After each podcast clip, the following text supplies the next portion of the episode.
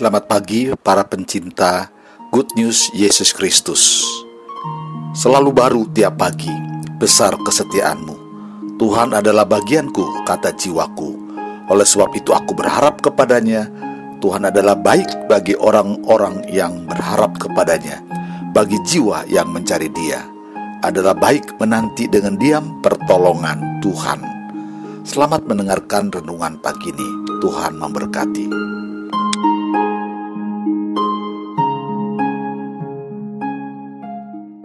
Shalom, selamat pagi saudara-saudara yang dikasihi Yesus Kristus. Salam sejahtera buat saudara semua di mana pun saudara berada. Pada saat ini saya akan menyampaikan renungan tentang fokus kepada Allah. Dari kisah yang dituliskan di dalam dua Tawarikh pasal 20 ayat 1 sampai dengan 26. Diceritakan tentang kerajaan Yehuda di bawah kepemimpinan Raja Yosafat yang pada waktu itu diserang oleh dua kelompok musuh, yaitu Bani Moab dan Bani Amon, yang membentuk laskar yang besar. Raja Yosafat dalam keadaan takut, dia mengambil keputusan untuk fokus kepada Allah. Dan inilah yang dinyatakannya di dalam ayatnya yang ke-12. Kami tidak tahu apa yang harus kami lakukan, tetapi mata kami tertuju kepadamu. Inilah hal yang dinyatakan oleh Raja Yosafat kepada Allah. Dia takut, tetapi dia mengambil keputusan. Ada lima hal yang kita pelajari bersama saat ini, bagaimana dia fokus kepada Tuhan. Yang pertama, Raja Yosafat mencari Tuhan dengan sungguh-sungguh. Dalam ayatnya yang ketiga, Yosafat menjadi takut lalu mengambil keputusan untuk mencari Tuhan. Ia menyerukan kepada seluruh Yehuda supaya berpuasa. Saudara Yosafat mencari Tuhan dan mengambil keputusan untuk bersama-sama dengan rakyat Yehuda berpuasa. Tindakan dari puasa ini adalah tindakan merendahkan diri di hadapan Tuhan. Selain itu, Puasa juga menunjukkan keseriusan, kesungguhan, dan juga puasa menolong kita untuk menguasai diri sehingga kita bisa fokus kepada Tuhan. Dan kemudian yang kedua, saudara, Yosafat menyemangati yang lain untuk percaya kepada Tuhan. Dalam ayatnya yang ketiga dan ayatnya keempat, ia menyerukan kepada seluruh Yehuda supaya berpuasa dan Yehuda berkumpul untuk meminta pertolongan daripada Tuhan. Mereka datang dari semua kota di Yehuda untuk mencari Tuhan. Dan kemudian yang ketiga, saudara, Yosafat mengakui kekuasaan Tuhan. Di dalam ayatnya yang kelima dan ayatnya yang keenam dikatakan Yosafat berdiri di tengah-tengah jemaah Yehuda dan Yerusalem di rumah Tuhan di muka pelataran yang baru dan berkata, Ya Tuhan, Allah nenek moyang kami, kami, bukankah engkau Allah di dalam surga? Bukankah engkau memerintah atas segenap kerajaan bangsa? Kuasa dan keperkasaan ada di dalam tanganmu, sehingga tidak ada orang yang dapat bertahan melawan engkau.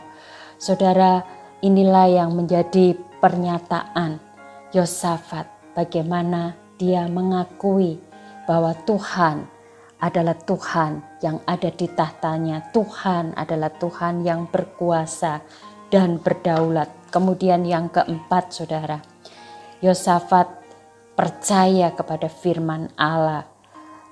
Dikatakan pada waktu itu roh Tuhan mengurapi seorang yang bernama Yahasiel. Dan Yahasiel menyampaikan firman Tuhan yang dikatakan di dalam ayatnya yang ke 15 dan ayatnya yang ke-17. Camkanlah hai seluruh Yehuda dan penduduk Yerusalem dan tuanku Raja Yosafat. Beginilah firman Tuhan kepadamu. Janganlah kamu takut dan terkejut karena laskar yang besar ini. Sebab bukan kamu yang akan berperang melainkan Allah. Ayat 17 dalam peperangan ini tidak usah kamu bertempur, hai Yehuda dan Yerusalem, tinggallah berdiri di tempatmu dan lihatlah bagaimana Tuhan memberikan kemenangan kepadamu.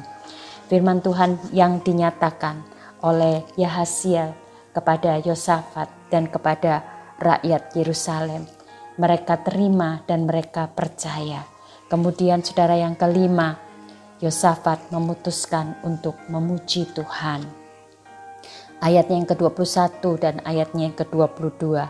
Setelah ia berunding dengan rakyat, ia mengangkat orang-orang yang akan menyanyi nyanyian untuk Tuhan dan memuji Tuhan dalam pakaian kudus yang semarak pada waktu mereka keluar di muka orang-orang bersenjata sambil berkata, nyanyikanlah nyanyian syukur bagi Tuhan, bahwasanya untuk selama-lamanya kasih setianya. Ketika mereka mulai bersorak-sorai dan menyanyikan nyanyian pujian, dibuat Tuhanlah penghadangan terhadap Bani Amon dan Moab dan orang-orang dari pegunungan Seir yang hendak menyerang Yehuda sehingga mereka terpukul kalah. Saudara puji Tuhan, bagaimana Yosafat memutuskan untuk mencari Tuhan dengan berpuasa, menyemangati yang lain dan tetap percaya kepada Tuhan, mengakui kekuasaan Tuhan, percaya kepada firman Allah dan memuji Tuhan. Itulah yang menjadi keputusan yang membawa kepada kemenangan.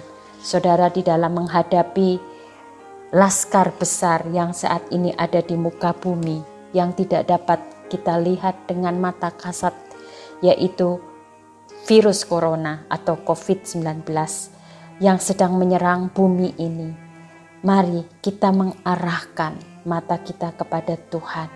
Mari kita fokus kepada Tuhan dan kita percaya kepadanya dan kita akan mengalami kemenangan yang dari Tuhan. Terima kasih saudara sudah bergabung bersama keluarga besar GSA Yesus Kristus. Sampai jumpa, Tuhan memberkati.